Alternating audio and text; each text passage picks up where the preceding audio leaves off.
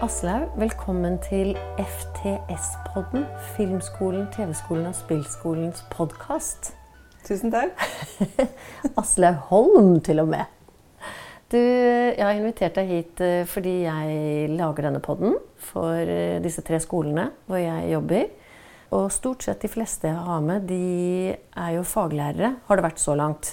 Eh, du er den andre jeg inviterer hit i sammenheng med at det er mitt eget refleksjonsarbeid jeg driver med. Jeg prøver nemlig å skrive en bok om bruk av voiceover i primært dokumentarfilm. Og da har jeg snakket med en dame allerede. Og så, Du skulle egentlig vært der først, men du brakk armen. Ja.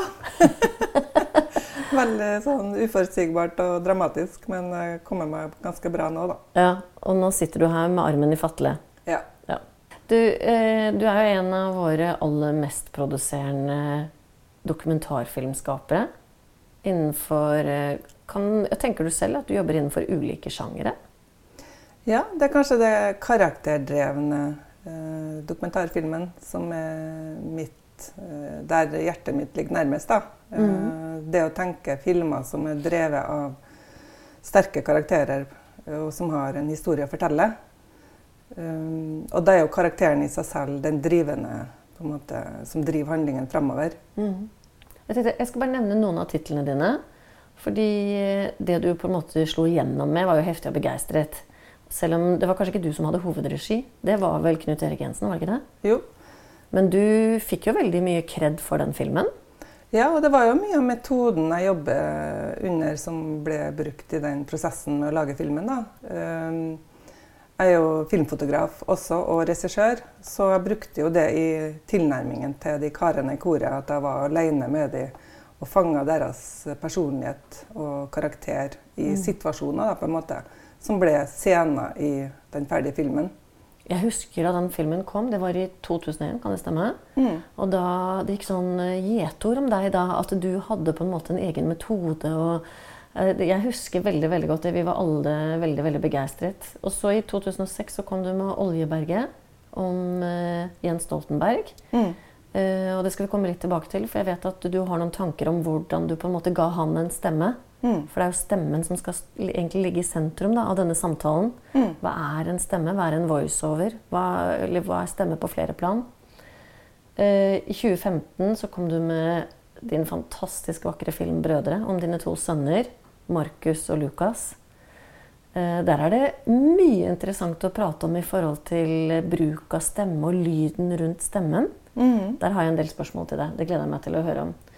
Så gjør jeg et lite hopp. Du har vært innom titler som Aha the Movie. Der har du vel korregi, har du ikke det? Mm. Og Generasjon Utøya. Der har du regi. Ja, der har jeg regi, men også regi sammen med en annen regissør, eh, Sigve Endresen. Ja, nettopp. Så jeg har jobba sammen med en del folk. Ja. Eh, og det har nok litt sammenheng med at jeg kombinerer rollen fotograf og regissør. da. Ikke sant? Så det er jo også for å ha noen å spille ball med kreativt, så er det jo fint å være et team. Ja. Men i selve opptakssituasjonen så liker jeg veldig godt å jobbe alene. da. På en måte kombinere rollen som fotograf og regissør. Du får en helt annen nærhet. og intimitet i selve opptakssituasjonen, som mm. er veldig fin. da. Og så har du nettopp hatt premiere med Blokka, mm. som vant pris. Ja. Eh, kanskje vunnet flere priser allerede, for alt jeg vet. Du fikk i hvert fall hovedprisen på Nordic Docs. Ja, det var fantastisk. Det var utrolig fint. Og den jurybegrunnelsen også fanga filmen på en så poetisk og fin måte, syns jeg.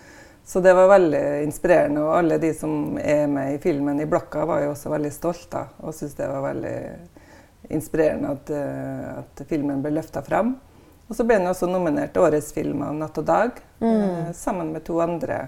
Det var tre kvinnelige regissører. Det var litt kult. da. Det var Margit Olin, og så var det meg, og så var det hun som laga den. Jeg tror den heter 'Nye våren', som en fiksjonsfilm. da. Mm. Og jeg skal jo da kanskje av etterrettelighetshensyn si at jeg faktisk satt i juryen under Nordic Docs. Ja. Så det var, var, jo veldig gøy å, å tildele Blokka en, eh, en, pris, fordi det, var en veldig, det er en fantastisk flott film, rett og slett. Så har du vært involvert i Bunadsgeriljaen, som går på kino. Går den på kino nå? Den går på utvalgte kinoer. Den har jo hadde premiere i høst 20.10, så har den vært liksom rundt omkring i hele landet. da. Eh, og nå er den jo ikke sånn at den går på alle forestillingene i Oslo, men på utvalgte forestillinger. Så det er bare å følge med på kinoprogrammet. da. Ja. Og så holder du på med et nytt prosjekt som jeg tenkte vi skulle snakke om litt, litt etter hvert også. Mm. Men jeg er jo opptatt av deg og din stemme. Og da tenker jeg jo kanskje at uh, en av de filmene som er helt sentral i forhold til det å jobbe med et sånt type fortellerståsted, er nettopp 'Brødre'. Fordi den på mange måter er så personlig. Det handler jo om deg, dine gutter, din familie. Det handler om å observere to sønner i egenskap av å være mor og filmskaper. Mm. Og jeg tenker i hvert fall at uh, når jeg nå så filmen om igjen på nytt, så tenker jeg at uh, mitt første helt sånn banale spørsmål til deg, som egentlig handler om teknikk i forhold til stemme fordi at du er jo stort sett off kamera. Du er jo Mm. bak kamera. Så det er mange sammenhenger vi bare hører deg, og innimellom så dukker det opp i bildet også. Vi ser deg i et speilbilde. Eh, Det er noen steder hvor noen helt klart har filmet dere, men stort sett så befinner du deg bak kamera. Jeg tenker på når du ligger i gresset, f.eks. Ja. Det er jo et veldig tydelig fortellerståsted i filmen, eh, og det var bevisst eh, ganske tidlig. da. Og det er jo at det er mors blikk på eh, barndommen og oppveksten til mine to sønner. Selv om det var ikke planen fra starten. Eh, det var vel egentlig at eh, filmen skulle ha en stemme som var brødrene selv. da. Det skulle være deres fortelling eh, i forhold til å vokse opp og finne sin egen vei ute i verden. Men når jeg begynte å filme, da, eh, så skjønte jeg jo med en gang at jeg er jo mor bak kamera. Og når det oppsto f.eks. konflikt, situasjoner der det var friksjon, så var det jo veldig unaturlig å gjemme seg bak kamera og late som ikke mor var der. Da ble jeg jo tråkket inn i situasjonen. Så da skjønte jeg jo selvfølgelig jeg må jo finne min plass i historien som forteller. Men da var det veldig viktig å finne den, det fortellerståsted som er mors blikk. Så det er rett og slett mors ståsted da, som er på en måte fortellerstemmen i filmen. Og jeg hadde også en eh, klar avgrensning i forhold til måten jeg filma på. At alt som er filma i filmen, er det mor som har filma. Sånn at selv når jeg er foran kamera, så står kamera på stativ. Okay. Så da iscenesetter jeg på en måte meg selv. da. Eh, og det er også en eh, forståelse i forhold til at en film alltid er en eh, konstruksjon eller en eh, iscenesettelse. Og at uh, det som er viktig i fortellerstemmen, er jo at det er på en måte mors karakter som blir plassert i filmen. Det er ikke noe annet, det er ikke meg privat egentlig, men det er mer- mors fortellerperspektiv som er viktig. da. Og da valgte jeg også f.eks. Sånn noe så enkelt som at jeg har på meg den samme grønne kjolen helt fra starten til slutt. Det betyr at det er en morskarakter som kunne vært eh, tenkt i spillefilm også. ikke sant? Og som også minner litt om sånn forkle, forklekjole, sånn som husmødre hadde på 50-60-tallet og sånn. ja, det Den har jo litt en, den estetikken i seg. det har en nostalgi i seg. Jeg Ja. hadde jo den kjolen, da, så det var ikke sånn at jeg kjøpte den kjolen for filmen, men jeg fant ut at den kjolen var på en måte morskarakteren i filmen. Og det som skjer da, er jo at plutselig så blir det på en måte veldig universelt. Det blir ikke så privat, det blir en morskarakter som filmer, og som er foran kamera. Og det var også interessant det der med tiden som går. Fordi at det var ei som sa til meg etter at hun hadde sett filmen Det var helt fascinerende å se filmen. Fordi at guttene de vokser jo opp og blir eldre, men du er den samme. Og det syns jeg var innmari interessant, fordi at eh, det er noe tidløst over det. Eh, og filmen handler jo også veldig mye om å fange tid. At du på en eller annen måte eh, fanger tiden med kamera da, mens tiden går. Og det er jo det, det som er krevende sant, med å lage dokumentar, å være der det skjer når det skjer. Sånn at da må du ta en del valg, sånn at du er til stede og skildrer nåtid. da. Og det med fortellerstemmen med mors blikk eh, er jo på en måte at jeg på en måte innser at det er min fortelling gjennom mitt blikk som på en eller annen måte reflekterer rundt det universet som filmen beveger seg i. Da. Og da syns jeg det var et så fint bilde som illustrerer det, eh, som egentlig er det første bildet jeg så for meg når jeg tenkte på eh, ideen med å lage en film om mine to sønner. Og oppveksten deres eh, var rett og slett to barn i en robåt som ror over et åpent hav. Det var liksom det første bildet som dukka opp. Og det var også fordi at det var et barndomsminne. at jeg, når jeg var ti år, så huska jeg det eh, fantastiske minnet med å være ute på havet uten redningsvest og ro, der det var liksom helt sånn åpen horisont. Men det var også et bilde som var henta fra en refleksjon rundt hva det vil si å være kunstner. Og det henta jeg fra Andrej Tarkovskij, den russiske filmkunstneren.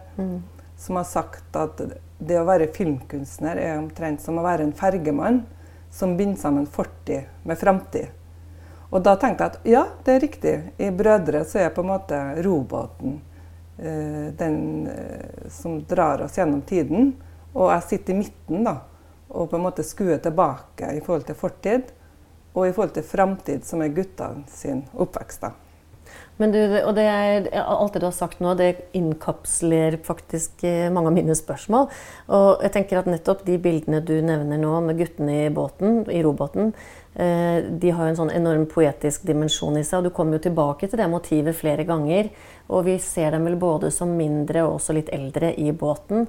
Og det er jo så utrolig knyttet opp til hele din familiefortelling om de som eh, forsvant på havet som fiskere og du lar gutten din si på et tidspunkt, så sier han eh, Mamma sier at det må gå to generasjoner tilbake for å forstå hvem du er.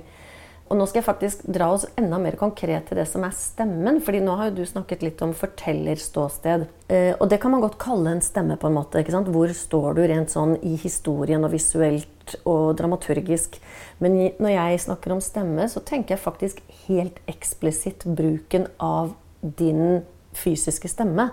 Mm. Og mitt første spørsmål til deg der er eh, fordi innimellom, Man kjenner jo at du står bak kamera, og innimellom så har du en utrolig altså, ja, Av og til er jo stemmen din distansert fordi du kanskje er langt fra en mikrofon. Og andre ganger er den veldig tett på. Og da lurer jeg på, Har du rett og slett eh, lest inn stemmen din på nytt i studio etterpå? Eller er det alltid reallyd vi hører? Det er to nivåer i stemmebruk. da. Og den fortellerstemmen er jo den nære stemmen. Så det har jeg jo lest inn eh, underveis i filmprosessen med en eh, nær mikrofon. En mm. sånn eh, RE50, sånn som er brukt før i tida når du var radiojournalist og ute og intervjua folk, så hadde du en RE50. Hvis du har den veldig nært, så får du en veldig sånn fin, nær atmosfære i lyden. da. Og så er det jo mer der jeg er bak kamera, som er det dokumentariske. da. Så det er to veldig forskjellige stemmevalører, da. Det, det merker man jo for seg. Man merker forskjell på når du er fortelleren, og mm. når du er i scenen. Mm. Men også um, mener jeg å erindre at innimellom når du er i scenen, så er også stemmen innimellom veldig, veldig tett på. Og det er der jeg lurer på, Har du da valgt etterpå å på en måte rekonstruere noe av det som faktisk skjedde under opptak, bare for å få en bedre lydkvalitet? Jeg har nok hatt på meg mygg, faktisk, i en del av de opptakene. Sånn at den er på en måte inkludert i selve opptakssituasjonen. Så jeg har ikke rekonstruert noen ting. I tillegg så har jeg gjort uh, jevnlige samtaler med guttene, der jeg intervjua dem med den Nagra-mikrofonen. Fra han yngste var fem år til han var 13, så har jeg liksom intervjua i en sånn åtteårsperiode. Og det er også fascinerende, for du merker at tiden går gjennom deres stemme som blir eldre. da. Så det er også en sånn dokumentasjon av tid og da var det også veldig nært på eh, en slags sånn indre monolog. Da. Jeg tenkte at dette er jo en samtale mellom mor og sine sønner, som også er på et sånn mentalt, åndelig plan. Mm. Men sånn som f.eks. den setningen som jeg nettopp leste opp, da, hvor han sier mamma sier at du må gå to generasjoner tilbake for å forstå hvem du er.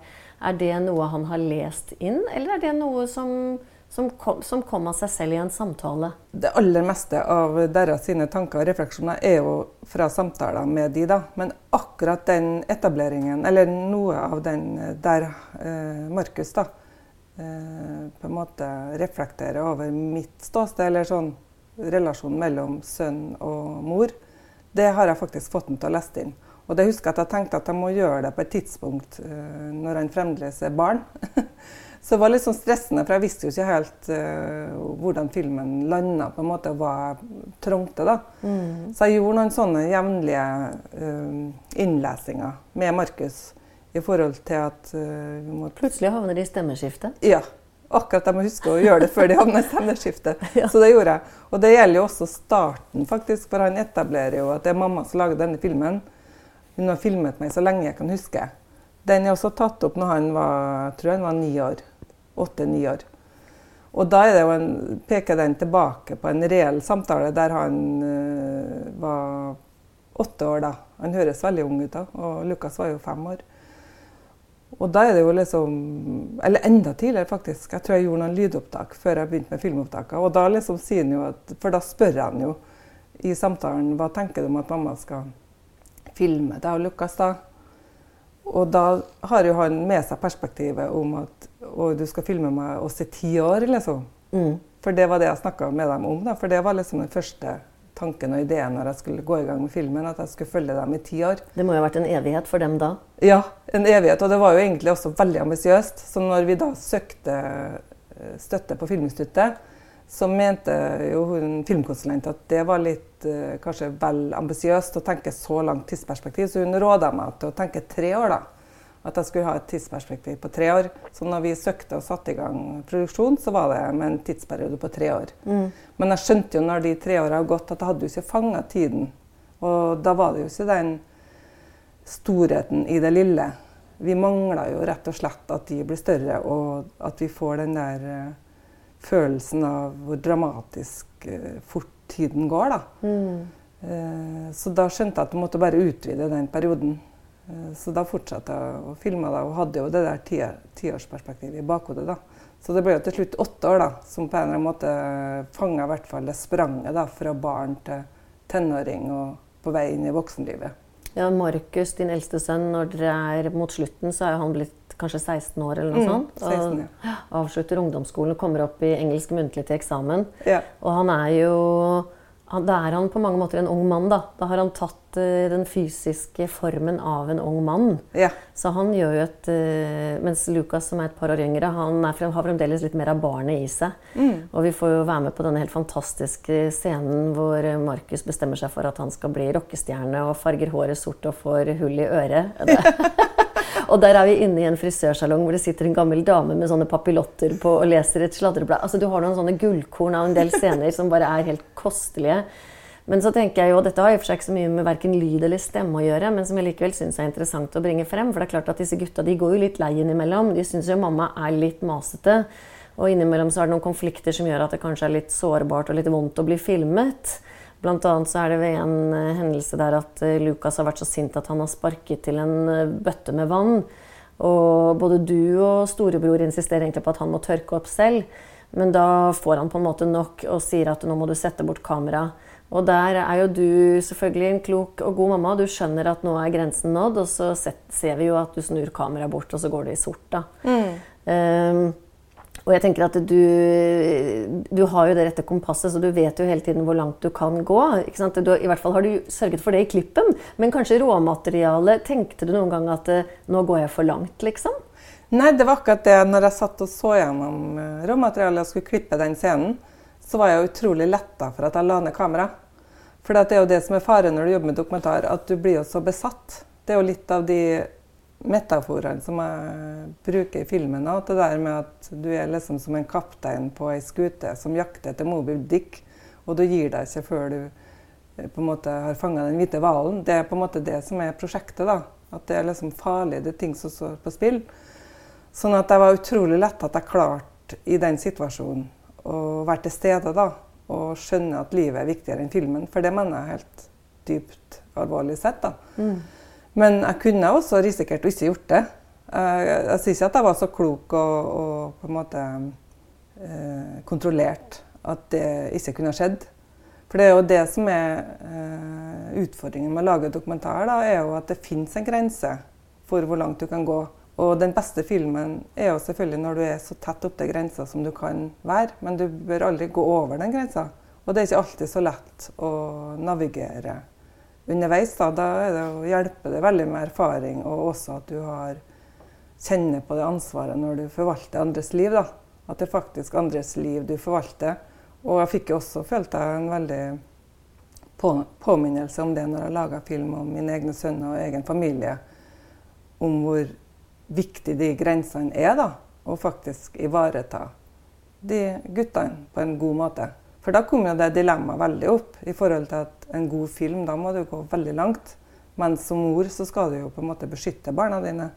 Så det ble en sånn tydelig konflikt der som var veldig viktig å, å mestre, da. Men uh, tilbake til, da, til, stemmen. Når du har alle disse rollene og likevel skal finne ikke bare ditt ståsted, men også faktisk din verbale stemme i filmen. Har, skriver du et manus? Altså, be, hvordan, hvordan, jobber du helt, helt praktisk, konkret med med det narrative elementet som er stemmen din? Jeg skriver jo et uh, manus, sånn, uh, mer sånn uh, utkast i forhold til handlingsforløp og hvilke scener som skal vise hva da, i en tidsperiode som handler om oppvekst. Jeg skjønte at de hadde noen definerende scener som på en måte skildra vendepunkt og hvor vi skulle. da. og så er det jo å finne stemmen i selve voicen det er jo litt som å skape musikk, på en måte. Det er mm. veldig mye rytme, da. Og også at orda eh, snakker til deg emosjonelt mer enn intellektuelt. da. Så må finne på en måte en slags eh, poetisk tilnærming til det. Så det satte jeg mye å jobbe med, for jeg følte jo at det var kanskje det jeg var minst erfaren på når jeg laga 'Brødre', var selve fortellerstemmen det der å gå inn og ha en fysisk fortellerstemme. For jeg har jobba med mange dokumentarer der jeg har et bevisst forhold til fortellerstemmen gjennom fortellerperspektivet. F.eks. For i 'Heftig begeistret'. Der opplever jeg at jeg står midt i koret. Sånn at det er en sånn demokratisk fortellerstemme. Det er fellesskapet som er stemmen. da. Hver og hver enkelt stemme er fysisk til stede som en del av et kor. Og da var jo grepet i den filmen var jo at hvert enkelt portrett var filma med én og én med et lite kamera. Og da hadde du en sårbar stemme. Når de sang alene, så var den litt sånn sårbar og kanskje gjerne falsk. Mens når du filma koret, så var det filma med et stort kamera som filma det litt storslåtte, der det var fantastisk musikk. Da var det plutselig koret som snakka, da. Så jeg mener at den filmen også har en tydelig fortellerstemme, selv om ikke det er min stemme. da. Det er bare hvordan kamera fanger de to nivåene av stemmene. Den enslige, sårbare stemmen og koret som fellesskap. Og det, også, det også gjenspeiler seg i måten filmen eh, visuelt blir uttrykt på. F.eks. så er moloen utafor Berlevåg den består av én og én stein som er viltra inni hverandre. Og en sånn kampestein. Og hver enkelt stein står jo ikke mot havet. Når havet kommer inn, så blir jo den blåst ut til havs. Men når de steinene viltrer inni hverandre, så står de mot havet. De blir sterke sammen. da. Så det er liksom stemmen i filmen preger også den visuelle tilnærmingen. Derfor er filmen på en måte så helstøpt, føler jeg. Den har de to nivåene i seg. da.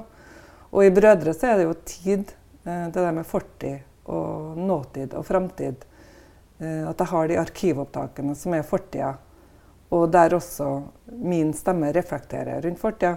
Mens er jo, så er jo guttene framtida, så det er jo deres stemme som drar oss framover. Så egentlig så er jo hele filmen en Hele setupen i filmen er jo at de skal finne sin egen vei ut i verden som er åpent og kanskje litt skummelt det med å ta det stupet ut i det kalde havet. Mm. Det handler om å våge, da. Å som du både begynner og slutter med. Ja. ja. Og storebror og lillebror som eh, oppmuntrer hverandre. Ja.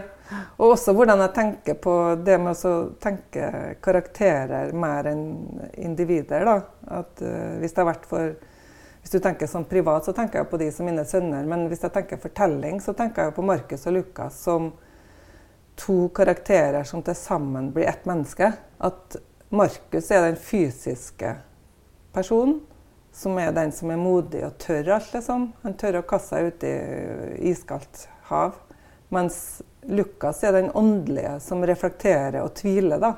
Så han mm. holder tilbake og tør ikke så veldig mange ting. Men til sammen så er de ett menneske. Okay, så det blir noe sånn åndelig kropp og sjel. da. Så det også hjelper meg på en måte til å gi scenene en større betydning. At det har en, en, større fortelling som ligger under. Litt sånn som jeg opplever at Jon Fosse jobber. da. At, mm. på en eller annen måte, at, en, at ting er veldig lada, selv om det er veldig smått. Mm. Og lite det som fortelles, så er det så eksistensielt. da. Men apropos Jon Fosse tenker jeg, og det å, å, jobbe igjen med dialogen, da, med stemmen som en dialog, en forteller, så kan jeg kjenne meg veldig igjen i nettopp det du sier med å og prøve å finne det poetiske. Min erfaring er at veldig ofte så handler det å finne en stemme om å lage gode overganger. Mm. Du sitter på masse råmateriale, og du har kanskje scener, men du vet ikke nøyaktig nødvendigvis hvordan scenene skal henge sammen. Mm. Og at da kan voicen være en, en eh, fin brobygger da, mellom ulike sekvenser og skape, eh, skape innsikt og forståelse uten at det forhåpentligvis skal liksom bli bokstavert ut. Og det er noe av utfordringen, nettopp det å, å gi det en tilstrekkelig poetisk valør uten at det blir klisjé. da. Ja, men det var veldig fint du sa. Det var Utrolig fin beskrivelse, faktisk. For det er akkurat det som brødre har i seg, er jo overgangen. Og der er også, som jeg tenker at det er der du der kommer filmskaperens blikk inn i de overgangene. Og det er litt det samme som i musikk. I jazz, f.eks. Så har jeg hørt at noen sier at det er i pausene melodien ligger. Det er jo i jazz. At i pausene på en måte eh, filmkomponisten kommer til uttrykk. Og det tenker jeg også med film. At det er i pausene egentlig temaet, motivet og, og, filmen ligger. Og da å benytte seg av overgangen til å da gå dypere inn i hva filmen handler om, er jo det som er så spennende med å f.eks. klippe. da. Og når du nevnte i stad den vaskebøtta mm. Når, han, når sønnen min hadde uh, ofte konflikt da, sant, som setter i gang noen ting, og som gir en anledning til å gå over til noe nytt. For det som skjer da når jeg legger ned kameraet etter at den vaskebøtta er velta, da, så går jeg i svart.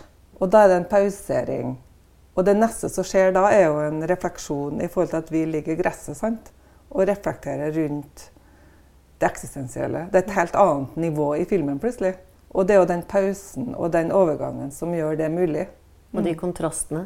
Men du, du, nevnte så vidt for meg at eh, i, i, prosessen med å finne ditt ståsted, da, og kanskje også din stemme, for alt jeg vet eh, For jeg prøver nemlig å være litt streng og skille på de to tingene. Mm. Det ene er på en måte den verbale stemmen i filmen, det helt konkret verbale. Og det andre er fortellerståstedet. Men eh, du nevnte at du hadde vært i kontakt, forsto jeg det egentlig ganske tilfeldig, med Liv Køltzow i den perioden. Og at hun hadde hatt noen innspill som, som hjalp deg å, å, å, ja, å, komme videre på en eller annen måte. Fortell litt, Hva var det, hva var det forfatteren Liv Kultz bidro med? Ja, når jeg satt i klippeprosessen og jobba med den voicen, så var jeg også i prosess med å klippe og filme en film av Liv Kultz, som og de har jeg tar regi på. Og der var jeg i, i samtale med henne innimellom, for jeg føler at hun også jobber jo mye med språket og finner stemmen i fortellingene sine, i romanene sine. Så da husker jeg satt og jobba med et strekk som handla om morsrollen. da, Og liksom konflikten som jeg opplevde som filmskaper og mor, og, ja, og, det store prosjektet. Og da hadde jeg skrevet en voice som gikk på det, eh, som handla om at det var en konflikt da, mellom det å være mor og det å være skapende kunstner. Og så la seg den voicen for, for Liv. da. Og så sier hun men Asle, det her er så kjedelig. Det er jo liksom typisk da, at det er en konflikt mellom morsrollen og det store skapende verket. Har vi ikke kommet lenger? Ja. Så hva resulterte det at du tok det bort, da? Eller at ja, du ikke brukte det? jeg tenkte helt annerledes. Jo, hun har rett, tenkte jeg. Hva ville Ingvar Bergman ha sagt? Mm. Jo, han ville jo løfta det. At det det egentlig konflikten står jo mellom det store og det lille.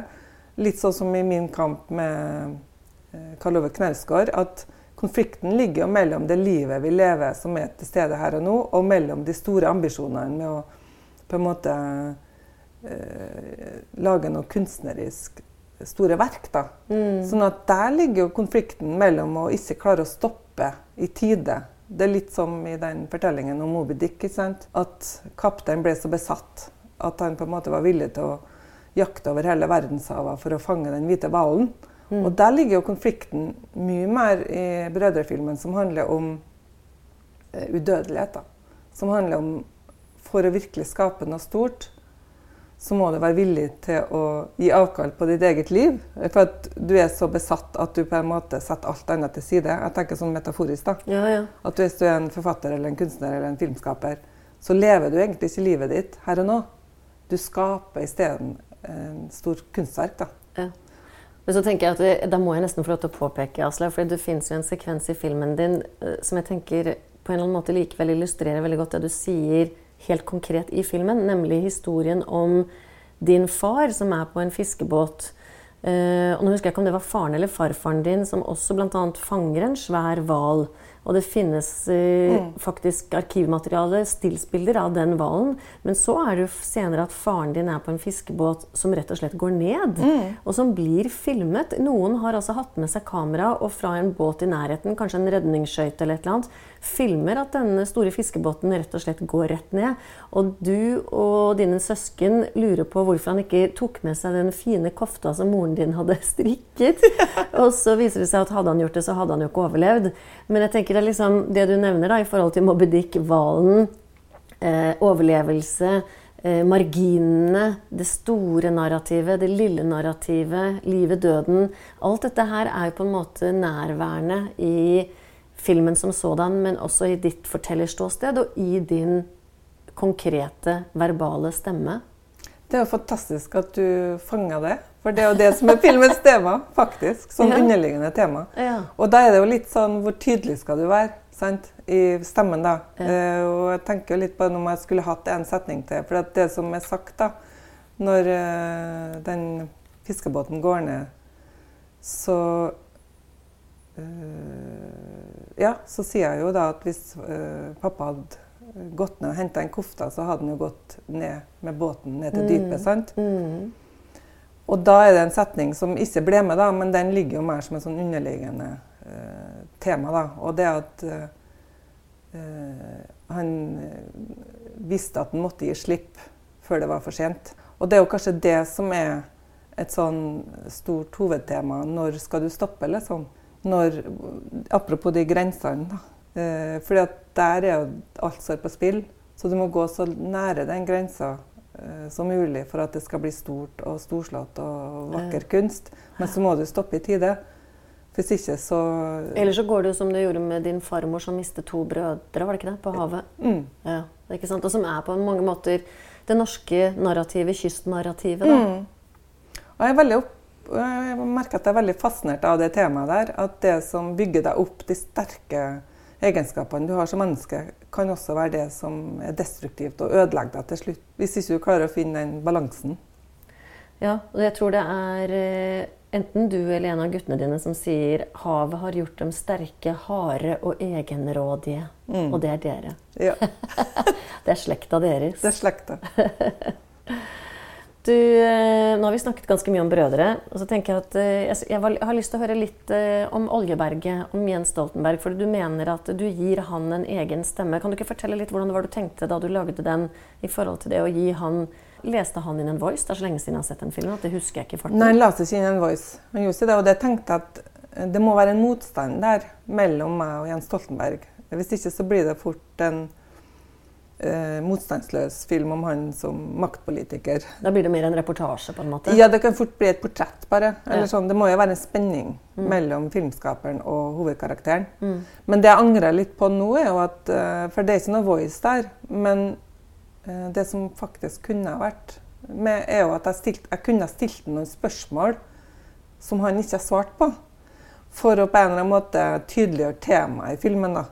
Eh, og også for å vise min tilstedeværelse som filmskaper. For grunnen til at jeg ikke har noe Vi hører aldri deg i Nei, den filmen. Der er du på en måte rent observerende der. Ja. Han henvender seg i kamera. Mm. Det gjør han, sånn at det er en veldig nærhet mellom Jens Stoltenberg og meg bak kamera. Så jeg blir jo en slags karakter bak kamera. Han spør jo bl.a. når han eh, mangler penger til å kjøpe hvalkjøtt oppe i Nord-Norge snur han seg mot meg og kameraet og sier 'Har du noe, noe mer penger, eller?' og så spør han meg på det mest nervøse tidspunktet rett før han skal ut på scenen, eh, når det skal avgjøres hvem som vinner valget. Så står jeg alene sammen med Jens Stoltenberg inne på kontoret hans, der han kler på seg og har på seg fin blå skjorte og et slips. da. Og så plutselig så, så står han og ser seg i speilet, og så ser han mot meg veldig usikker, da, og så sier han eh, Nå har jeg jo hatt blå skjorte på meg tre dager på rad. Hva tror du om det, Aslaug? Liksom? Har det noe å si? Ja. da er han nervøs. Uh, han trenger en slags Men vi får ikke ditt svar? Nei. Nei. Eller jeg sier vel kanskje der det tror jeg ikke jeg si. Jeg tror jeg svarer der. Sånn okay. At det faktisk hører meg så vidt. da. Mm. Men det som jeg opplevde med den filmen, var jo at um, temaet er jo en slags reise tilbake til han har jo vært i maktposisjon, og så har Arbeiderpartiet mista stemmer og på en måte vært nede i dødsriket, som han selv sier, da, etter mm. det katastrofale valget i 2001. Og så er jo egentlig filmen en reise tilbake, også sånn både fysisk og mentalt, der han reiser gjennom Norge for å på en eller annen måte gjenskape tillit til velgerne. Så det er et litt, litt sånn åndelig fattig Norge som er den hvite vidda, at han går på dress i en sånn hvit, åndelig landskap. Du har jo Oljeberget fra Bibelen, ikke sant? som mm. også er litt sånn åndelig beslekta, da. Men kanskje mer at Norge er så rikt at vi har mista en slags uh, kompass da, i forhold til verdivalg. Fortell, hva er Oljeberget i Bibelen? Er det snakk om Det nye testamentet? Oljeberget er et ettertraktet sted for jøder å bli gravlagt. Dette kommer av at stedet er sentralt i den jødiske religion. På kong Davids tid var dette så er Gamle testamentet oh, ja. uh, Jeg tror ikke det har noe med Jesus å gjøre. skjønner du? Nei, Der er blanda sammen med um, Golgata, På kong Davids tid var dette et sted man pleide å tilbe Gud. Det, Gamle testamentet forteller om profet, profeten Sakarja i et syn på at Herren selv skulle komme ned til jorden for å dømme ved å sette sin fot på Oljeberget. Dommedag vil altså starte ved at Gud kommer til Oljeberget. Det er jo fantastisk, egentlig. da, for Det jeg tenkte med den tittelen, var jo en slags åndelig lengsel. da. Ja. At vi har alt i Norge sant, eh, av materielle verdier. Og det var litt det som var utgangspunktet for filmen, var jo at Arbeiderpartiet har på en måte vært det partiet som har kjempa for velferdsstaten. og Allerede etter krigen så sa Einar Gerhardsen at ingen skal stå med lua i handa. Alle skal slippe å stå med lua i handa og på en måte trygle om uh, ja, penger til å overleve. Vi skal ha en trygg velferdsstat. Mm.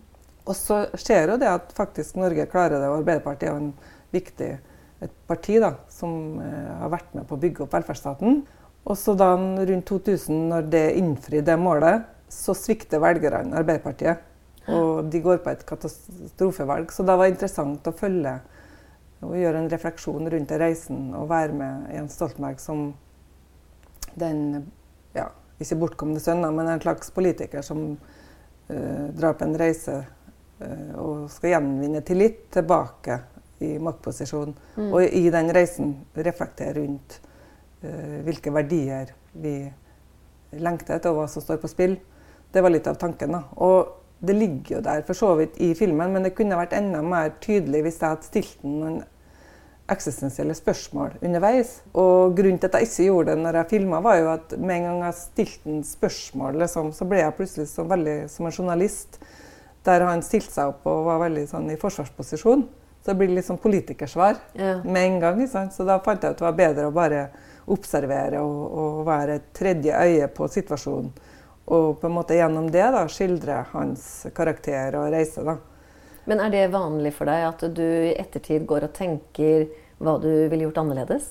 Ja, det kan jeg gjøre. Og så tenker jeg også ofte etter en film eh, Det fikk jeg til, mens neste gang så skal jeg prøve ut det jeg kanskje hadde ambisjon om å få til, men som ble litt uforløst. Ja. Da får en heller ta med det videre i neste film. da, Og utforske. Jeg syns jo noe av det å lage film, det å utforske hva jeg holder på med, og på en måte uh, fordype seg videre i det å lage film, mm. er veldig stor motivasjon da, til å lage film. Men du, da skal jeg spørre deg, for nå har du jo ferdigstilt uh, blokka og hatt uh, premiere på den. En utrolig sterk, viktig film. Som da jeg så den, så tenkte jeg denne bør ikke vises før valget, fordi da raser Arbeiderpartiet nedover. Fordi den er jo indirekte en ganske sterk kritikk av kommunestyret i Oslo. Eller byrådet, heter det kanskje ja. i Oslo. Uh, og deres behandling av disse beboerne i en blokk på Sagene. En blokk som er eid av Er det Tollefsen han heter? Ja, han kjøper jo blokka på et ja. i 2016. Mm. Ikke sant? Og som ønsker egentlig å bli kvitt beboerne. da. Når du nå da går over i et nytt prosjekt som du jobber med, som heter Rosemarie Ja, Rosemaries historie. Hva er det du vil gjøre der som du ikke gjorde i blokka? Eller hva er det du vil prøve ut nå? Det som er tanken, er jo at eh, det å lage en fortelling, en liten fortelling som sier noe større, er jo en veldig fint utgangspunkt. Og når jeg laga 'Brødre', så var jeg på en måte en morskarakter som skildra barndom og oppvekst på Sagene, i Sagene bydel. der du og din familie bor? Ja, der mm. meg og min familie har bodd i nå. Meg og mannen min har jo bodd der over 30 år, og guttene har bodd der siden de ble født. da. Eh, og så dreier jeg kula litt, og så laga en film om eh, mine nærmeste naboer som bor i blokka. da. Eh, så der er det på en måte naboperspektivet jeg inntar. da. Eh, så fortellerstemmen min er liksom betraktningen gjennom å være nærmeste nabo, og til og med også kjenne folk som bor i blokka. Og skildre hvordan det er å leve med den utryggheten. da. Å bo i ei blokk der du ikke vet hva neste dag bringer. Liksom, at du, om du kan få bli boende? Om du får bli boende eller bli kasta ut. Mm. Og, det, og, I den prosessen så er det også interessant å oppleve som dokumentarfilmskaper, da, hvor eh, når saken blir så viktig og sterk underveis, at det er nesten sånn at du på et punkt tenker det er jo viktigere at, uh, at den, de beboerne i blokka blir redda, enn at jeg lager filmen. Det er nesten som du kommer til et sånt skillepunkt. Mm. Selv om jeg vil jo presisere at jeg har vært veldig opptatt av å beholde eh, avstand mellom å være aktivist og filmskaper. Da. Men Var du redd for at det å lage filmen ville kunne ødelegge deres politiske kamp for å beholde Nei, absolutt ikke. Det er heller motsatt. At ja, filmen sant? kan redde dem. Ja. Men samtidig så var det viktig at uh, Du skulle heller ikke bli aktivist på vegne av dem? Nei. Og det sa jeg jo fra første stund, at de må på en måte kjempe saken sin. Men jeg kan følge dem med kamera og dokumentere den prosessen. Mm. Så vil det bli laga en film om det som skildrer den kampen og deres uh, liv. da som i neste omgang også kan være viktig for dem, da, sånn at den historien kommer ut. Og det har jeg jo klart å holde på, eh, og det har vært utrolig viktig. da, eh, Hvis du sammenligner f.eks. med Tore Strømøy og den dokumentarserien som jeg mener handler veldig mye om at han kanskje ikke har vært bevisst nok på sin rolleforståelse. da, Hvordan mm. han som forteller Da tenker du på den serien som heter 'Ingen elsker bamsegutt', ja. som har blitt tatt av i NRK? Mm. Ja. Jeg tenker at der, eh, Nå er jo han ganske kritisk mot journalister som han mener er altfor faglig, altfor faglig tilnærming til det å lage gode fortellinger og, og fortellinger som berører. da. Sier Tore Strømøy? Ja. Mens jeg mener jo at uh, jeg syns hans eh, engasjement er kjempebra. Og jeg stoler jo på hans intensjon, og ikke noe tvil om det. Men det å ha en faglig forståelse av det du holder på med, er veldig avgjørende. Det, det, jeg vet om prosjekter du jobber med nå, er jo historien om en familie som har innvandret, der mor og fire eller fem barn har oppholdstillatelse, men ikke far. Og så blir han av en litt sånn tilfeldighet plutselig stoppet av politiet. Og de, han kan ikke identifisere seg, hvorpå han blir sendt ut av landet. Og så sitter mor igjen da med alle barna i en ganske fortvilet situasjon. Hun er en nabokone hos dere på Sagene. Du har kjent til henne gjennom mange år via sønnene dine tilbake til barna. Og skolegården og loppemarkedet osv. Eh, og så skjer faktisk det fatale at hun faktisk dør. Hun er helt utslitt, og hun har astma og omkommer rett og slett i et astmaanfall. Uh, og hvor står du da nå? Er din, hva er din forteller... Skal du bruke en voice her? Hvem, hvem, sin historie er dette? Er det din? Er det hennes? Er det, er det filmskaperens? Er det naboens? Er det Ja, jeg tenker her at da tenker uh, at det er dokumentarfilmskaperens ståsted. da. Fordi at uh, jeg som filmskaper får jo da en tekstmelding fra en lærer på Sagne skole som jeg kjenner fra før i en sånn akutt situasjon der eh, når det er i ferd med å skje, da, at han familiefaren skal bli kasta ut, så i fortvilelse så sender hun meg en melding eh, om at eh, det er veldig krevende sak. Og i siste fortvilte forsøk så tenker hun at kanskje jeg kan være med å dokumentere det som dokumentarfilmskaper. Kanskje det kan hjelpe saken. Eller, ja. Mm. Der fins det et slags politisk element da, inne i bildet. Eller i hvert fall et håp om at det skal være en type redningsaksjon. Ja. Eller noen må stå opp mot makta. Ja. Så det er utgangspunktet. da. Og så begynner jeg å filme det. sant? Og da vet jeg jo ikke om det blir en film heller. Ikke, for jeg har jo ikke fått støtte. Det, jo, det er jo en prosess med å eh, på en måte realisere et filmprosjekt. Men jeg begynner bare å filme eh, for å dokumentere de viktige opptakene fra han blir kasta ut. da. Så jeg begynner å følge saken. Og så kjenner jeg jo på det dilemmaet mer og mer eh, som en videreføring egentlig fra det som jeg opplever i Blokka-filmen også. da, At det ansvaret du har som dokumentarfilmskaper når du først begynner å filme en sak og dokumentere, så begynner jo de du lager film om, å sette din lit til deg. Eh, det er jo et mye større ansvar enn du kanskje først tenker. da. At da eh, ligger det jo litt i kortet at, eh, at de håper på at du skal redde dem. da. Mm. Og det å kjenne på den dilemmaet mellom å da lage filmen, men samtidig eh, hvor stort ansvar er det egentlig å lage film om andre mennesker? Det i seg selv er jo eh, Til og med Kislovskij slutta jo å lage dokumentarfilm fordi han følte at eh, han gikk for nært innpå mennesker sine liv. Mm. Det er et eller annet der som har en grense. da. Hvor nært kan du gå? Og det andre er også hvor mye kan du gjøre og utrette, og, og hvor altomslukende det blir. Og da tenker jeg at det er interessant å se på konflikten mellom eget liv og det å lage film om andres liv. Da. At jeg som eh, dokumentarfilmskaper blir da en karakter i filmen som står i spennet mellom det trivielle livet mitt, som ikke er viktig, og den eh, altomslukende saken som handler om å redde den familien. da. Eh, så jeg tenker at det er et sånn konflikt der som er interessant å utforske, men også å reflektere rundt dokumentarfilmskaperens uh, rolle og ansvar litt. da. Mm. At det Ja. Men apropos denne saken som jeg da har lest om i din pitch, og så mener jeg jeg så en nyhetssak nå nylig. Stemmer det at pappaen faktisk er kommet tilbake til Norge? Ja. Så det Skjedde det nå nylig? Nei, det skjedde vel ganske rett etterpå. At uh, når hun, moren dør, da av de astmaanfallene, som også er sikkert forårsaka av stort stress, så blir jo det fire barn som blir helt alene. Sant? Så da er det jo av omsorgsmessig og ja, eh, hva heter det, som kriterier på Utlendingsdirektoratet når du skal få Familiegjenforening, kanskje? Ikke eller? familiegjenforening, men det er sånn omsorgsargument. Okay. Uh, da, At ja. de er avhengig av faren. Så da får han oppholdstillatelse. da. Ganske rett etterpå, faktisk. Betyr det at du er ferdig med opptak, eller? Eh, jeg har jo filma hele den prosessen med at jeg har fulgt uh, Rosmarie og, og, den utvisningssaken. Men nå begynner jeg å ettergå saken der jeg intervjuer de som har vært involvert. Eh, Bl.a. en prest på sakene, som mm. har vært utrolig hjelpsom. Men han var jo engasjert på vegne av familien? Ja. Men altså, sjangermessig, hvor ligger denne filmen? Er det en samfunnskritisk dokumentar, eller er det et portrett? Er det, en det er kanskje litt sånn hybrid, da. Eh, for jeg tenker at min rolle som dokumentarfilmskaper, at den blir tydeligere, da. At jeg iscenesetter en del eh, scener eh, i mitt liv som står kon i kontrast, da. Så du, er du med foran kamera? Ja. Oh, ja.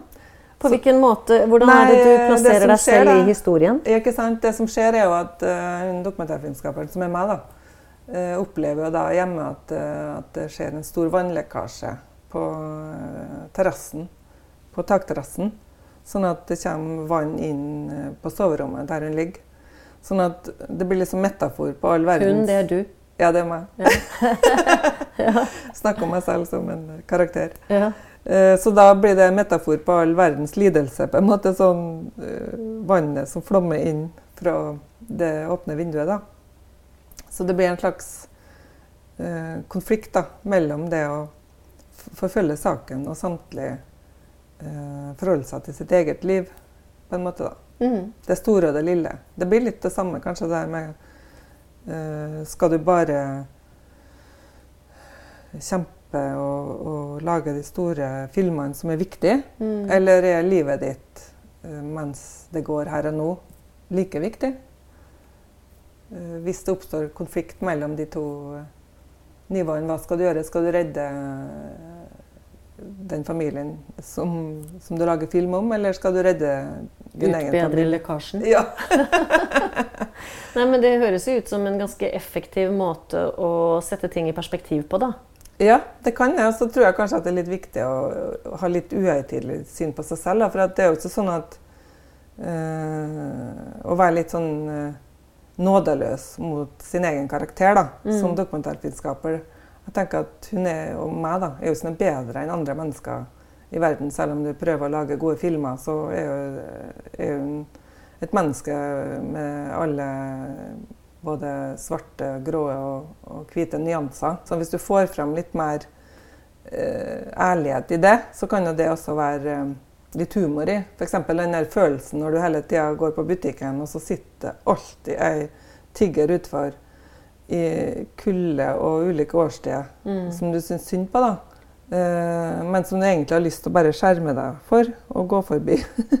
Det er den der følelsen med den dårlige samvittigheten hele tida. Ja. Og kanskje også det å, å være så pri privilegert som vi er, som vokser opp i Norge. Det blir litt som å være Norge i verden, at dokumentarfilmskaperen er litt det. da. At du kjenner på den dårlige samvittigheten. Burde ha gjort så mye mer for eh, de som uh, virkelig uh, sliter, på en måte.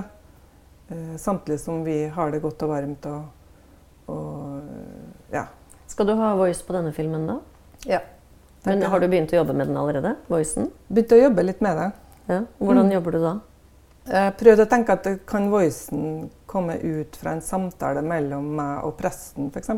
Presten? Ja. Ja. Som er en sånn um, støttespiller i bydelen, da. Nettopp.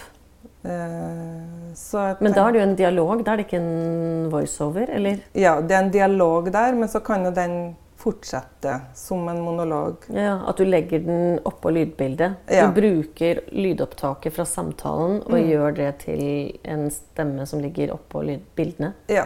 Nettopp. Og det kan også være tekstmeldingene som setter i gang. F.eks. For eksempel så fikk jeg en tekstmelding fra hun læreren på Sagne skole da, som sender meg en tekstmelding. Mm. Og det er jo en, på en måte en igangsettende hendelse.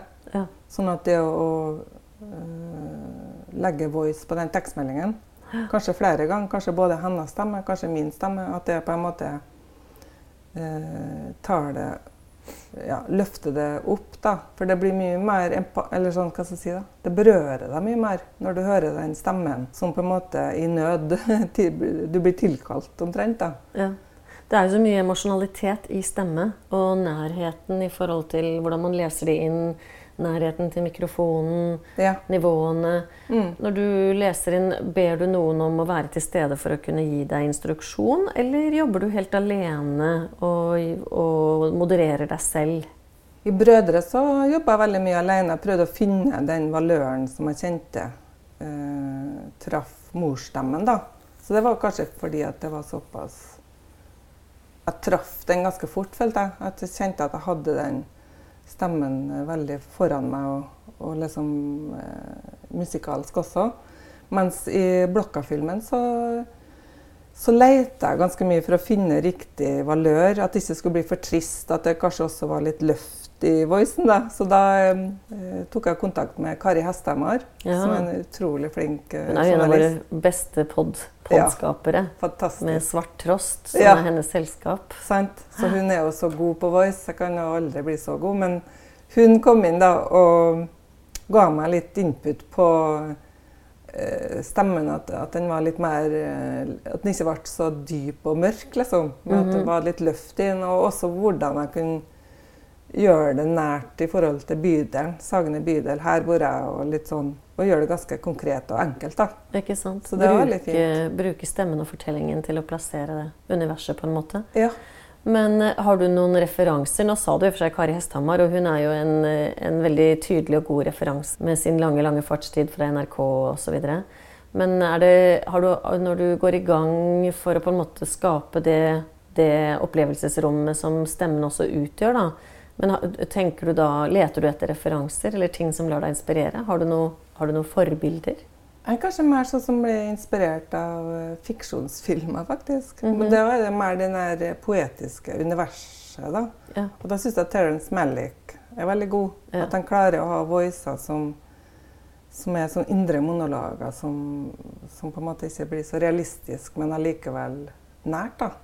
Og i både Tree of Life, som jeg syns er en fantastisk film, der er jo en sånn bønn, nærmest, som opplever voicen. En, en, en, fortvilt bønn til Gud. Mm. Som også er veldig sånn eh, Kler den filmen veldig bra, da. Og han har også en veldig sånn poetisk eh, voice i um, The Thin Red Line, som gjør at det blir istedenfor at det blir bare en krigsfilm, så blir det en sånn poetisk reise. Hans reise. filmer har jo et veldig sånn episk dimensjon. Ja. Det er de store temaene og det er de litt episke fortellingene som strekker seg. Mm. Eh, Så jeg, jeg skjønner veldig godt at det er en fiksjonsfilmskaper, en dokumentarist, lett kan la seg inspirere av. da. Mm. Også Badland. Der er en litt annen type voice, men der var det også veldig tydelig idé da, om at den voicen skulle være litt sånn um, ja, ungpikeaktig. For hun henta voicen fra de der tegneserien hun leste. En slags sånn fiktiv eh, forestilling om eh, drama som skjer ute i verden. Sissel Spacek spiller hovedrollen sammen med han eh, Hva heter han da? Eh, han som spilte Jakopolypse nå, hovedrollen der. De blir jo to ungdommer som eh, rømmer da, hjemmefra. Og så da skjønner du på voicen at hun er jo litt sånn fantasi... hun har lest for mange sånne tegneserier, rett og slett. Så voicen er prega av det, en sånn naivitet. da. Så det er så, så spennende det at du eh, gjennom voicen plasserer karakteren og, og på en måte verdensanskuelsen, faktisk. Gjennom måten den voicen er, skrevet på. da. Så det syns jeg er veldig inspirerende. Det samme er jo for så vidt ak akapalypse nå òg. At du har den voicen som er en sånn Men det er Marlon Brando sin stemme, er det ikke det? Eller er det, Nei, kanskje, nei, det er kanskje han Martin Sheen Martin Sheen. Ja. Det er han samme som spilte i i Badland. Badland. Ja, Martin. Sheen. Ja, det er litt den derre Disse heltene som er sånn the lost soul, det går til helvete. Mm. Ja. Mm. Du, vi skal avrunde, Aslaug. Altså, du er jo en kvinne selvfølgelig i din beste alder, fordi nå har du masse erfaring, og du skal fremdeles lage en hel rekke filmer. Uh, og vi vet jo litt hva du nettopp har laget, og hva du holder på med nå. Men med den stemmen du tross alt Det handlingsrommet er kanskje rettere ord å bruke, som du har eh, tilegnet deg i kraft av hele din produksjon. Hva vil du bruke stemmen din til nå da, Aslaug? Jeg har jo en sånn drøm i forhold til det store temaet som jeg, som jeg snakka om tidligere. eh, Det der med de sterke kreftene i oss, da.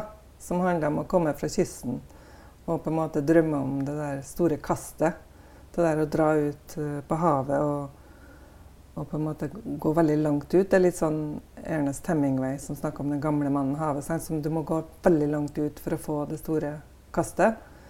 Så jeg har jo en, en drøm om å, å skrive et manus og lage en film som er spillefilm, basert på en sånn karakter. Du har rett og slett lyst til å lage en fiksjonsfilm. Mm. Har du gjort det tidligere? Ikke i kortformat heller? Aha, så spennende, da. Ja, så det er jo helt nytt farvann. Men jeg tenker samtidig at hvis jeg skal gjøre det, da, så må det jo være eh, med den tilnærmingen som jeg har fra de dokumentarfilmene jeg har laga, at det er en utforsking av karakterer. At jeg kan bruke erfaringer fra dokumentarfilm i forhold til autentisitet, og- men at jeg har et større rom og en større frihet til å gå lenger, da Mm. eh, i forhold til karakteren. Og også rent sånn episk. At en kan ta det filmatisk enda lenger. Mm. Det kunne vært spennende å, å prøve å få til. Ja. Så du har lyst til å ta et stort skritt fremover ved å ta et langt skritt bakover, nemlig til der du kom fra. Ja. Så bra. Takk for at du ville komme og prate med meg, Aslaug. Tusen takk for at jeg fikk komme. Veldig inspirerende. altså. Ja, så hyggelig.